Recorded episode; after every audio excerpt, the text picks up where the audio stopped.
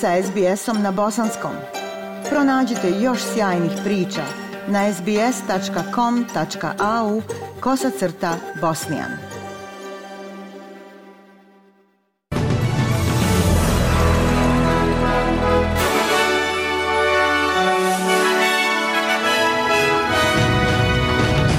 U današnjim vijestima poslušajte. Premijer Albanizi učestvovao u maršu LGBTQ plus populacije preko Sydney Harbour Bridge-a.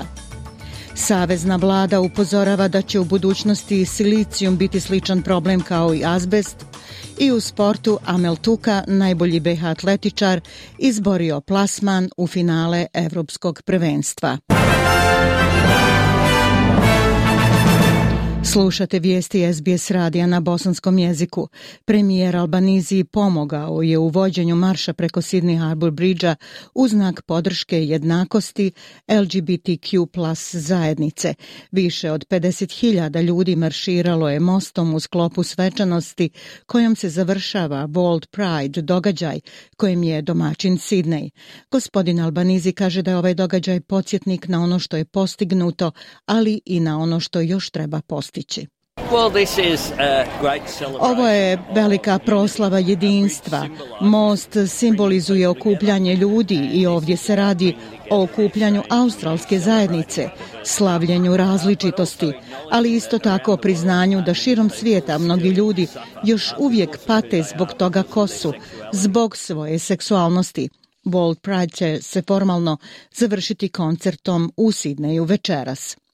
Savezni ministar za odnose na radnom mjestu Tony Burke kaže da će proizvodi s visokim nivom silicijuma u budućnosti predstavljati slične probleme kao i azbest. Istraga je u toku o nacionalnoj zabrani potencijalno smrtonosnog kamena. Proizvodi sa visokim nivom silicijum dioksida koji se obično koriste za izradu kuhinskih ploča povezani su s rakom i neizlječivom bolešću pluća.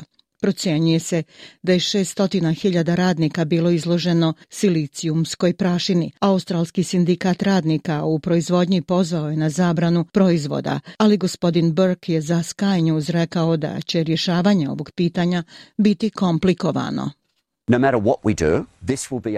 Bez obzira šta uradimo, ovo će biti problem u Australiji u narednih 40-50 godina. Kogod da je ugradio kamen u svoj kuhinji ili kupatilu, u ovom trenutku je ugrađen, bezbjedno je.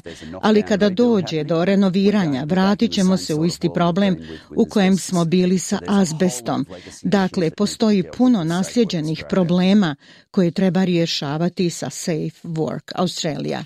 Premijer Albanizi kritikovao je liberalnu vladu Novog Južnog Velsa, rekavši da se ona, navodimo, raspada pred našim očima, jer kampanja ulazi u posljednje tri sedmice prije državnih izbora 25. marta. Pridruživši se lideru laborista Novog Južnog Velsa, Krisu Mainzu u kampanji stranke u Hurstvilleu, gospodin Albanizi kaže da serija nedavnih ostavki pokazuje da koalicija nije u najjačoj poziciji u oči glasanja glasanja 25. marta. Izbor je tako jasan. S jedne strane vlada koja se raspada pred našim očima, puca kao uvezeni vagoni lake željeznice, pokvari se lako, mučena skandalom, praćena ostavkom.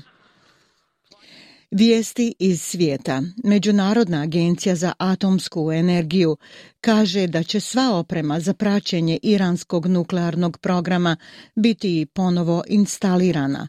Mogućnost značajnog poboljšanja između UN-ovog nuklearnog nadzornika i Irana vjerovatno će spriječiti pritisak Zapada za još jednu rezoluciju UN-a kojem bi Iranu nalagao saradnju. Šef Međunarodne agencije za atomsku energiju Rafael Grossi upravo se vratio iz Teherana. On kaže da će Iran omogućiti pristup relevantnim informacijama, lokacijama i ljudima. Uh, we have, we have put a Olakšali smo protok informacija i nedostatak kontinuiteta znanja koje smo imali, tako da sada možemo ponovo početi raditi, rekonstruišući osnovne linije informacija. A to nisu riječi, ovo je vrlo konkretno i ovo je bio deficit za kojim smo se dogovorili sa Iranom da ćemo ga ponovno riješiti.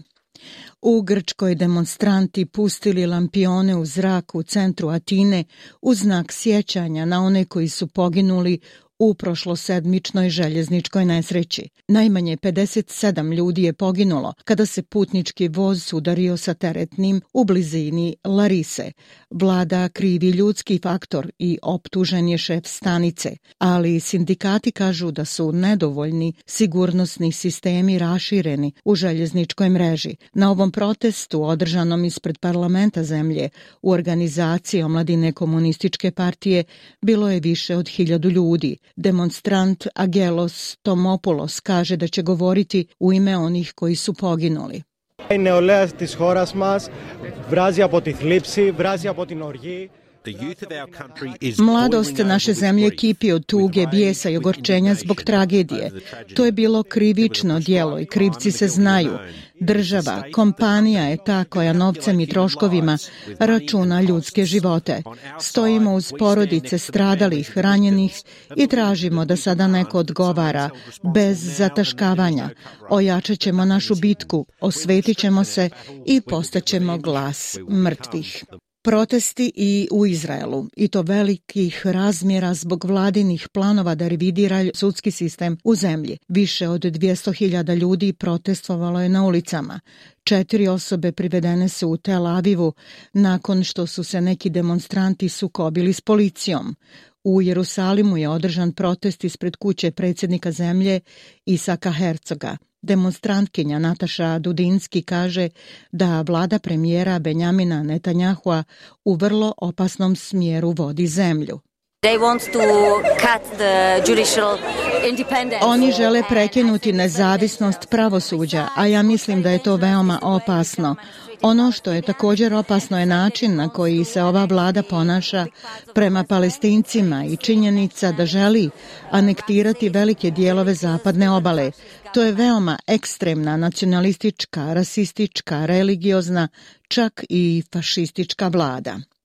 Generalni sekretar Ujedinjenih naroda napao je države s velikim ekonomijama zbog izazivanja problema u vezi s klimatskim promjenama, a posljedice snose siromašne zemlje. Antonio Guterres govorio je na događaju koji je prethodio u Enovoj konferenciji o najmanje razvijenim zemljama, a koja se održava u Kataru. On kaže da je globalni financijski sistem pogrešan i da su siromašne zemlje zaglavljene u krugu siromaštva i nepravde. Borba protiv klimatske katastrofe za koju niste učinili ništa je teška kada je cijena kapitala nevjerovatno visoka, a financijska podrška koju dobijate za ublažavanje i prilagođavanje razaranju je kap u čaši.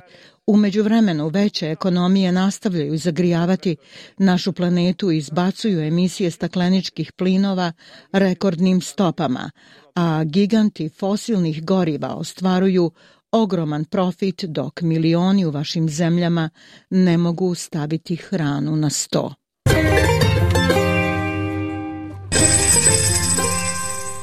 Prema kursnoj listi australski dolar danas vrijedi 0,67 američkog dolara, 0,63 eura, 0,56 britanske funte te 1,24 bosanske konvertibilne marke. I vijesti sporta. Bosansko-hercegovački atletičar Amel Tuka osvojio je sinoć drugo mjesto u polufinalnoj trci te zborio direktan plasman u finale na 800 metara na 37. Evropskom atletskom prvenstvu u Istanbulu. Finale će se održati večeras. Amel Tuka je najuspješniji BH atletičar u historiji jer ima bronzanu medalju sa svjetskog prvenstva koju je osvojio 2015. u Pekingu te srebro sa svjetskog prvenstva 2019. godine iz Dohe. Realno je očekivati da se večeras bori za neku od medalja. Bilo koja medalja za tuku bila bi i njegova prva medalja u konkurenciji seniora na evropskim prvenstvima.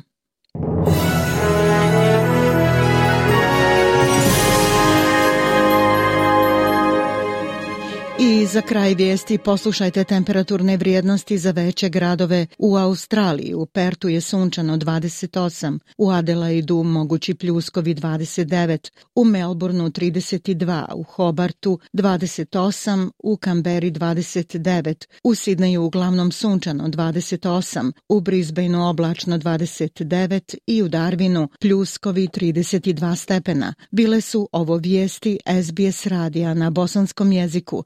Ja sam Aisha Hadži Ahmetović. Ostanite i dalje s nama.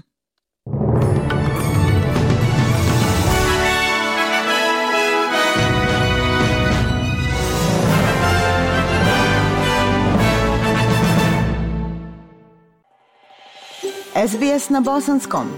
Podijelite naše priče preko Facebooka. Želite poslušati još ovakvih priča? Slušajte preko Apple podcasta – Google podcasta, Spotify ili kako god da primate svoje podcastove.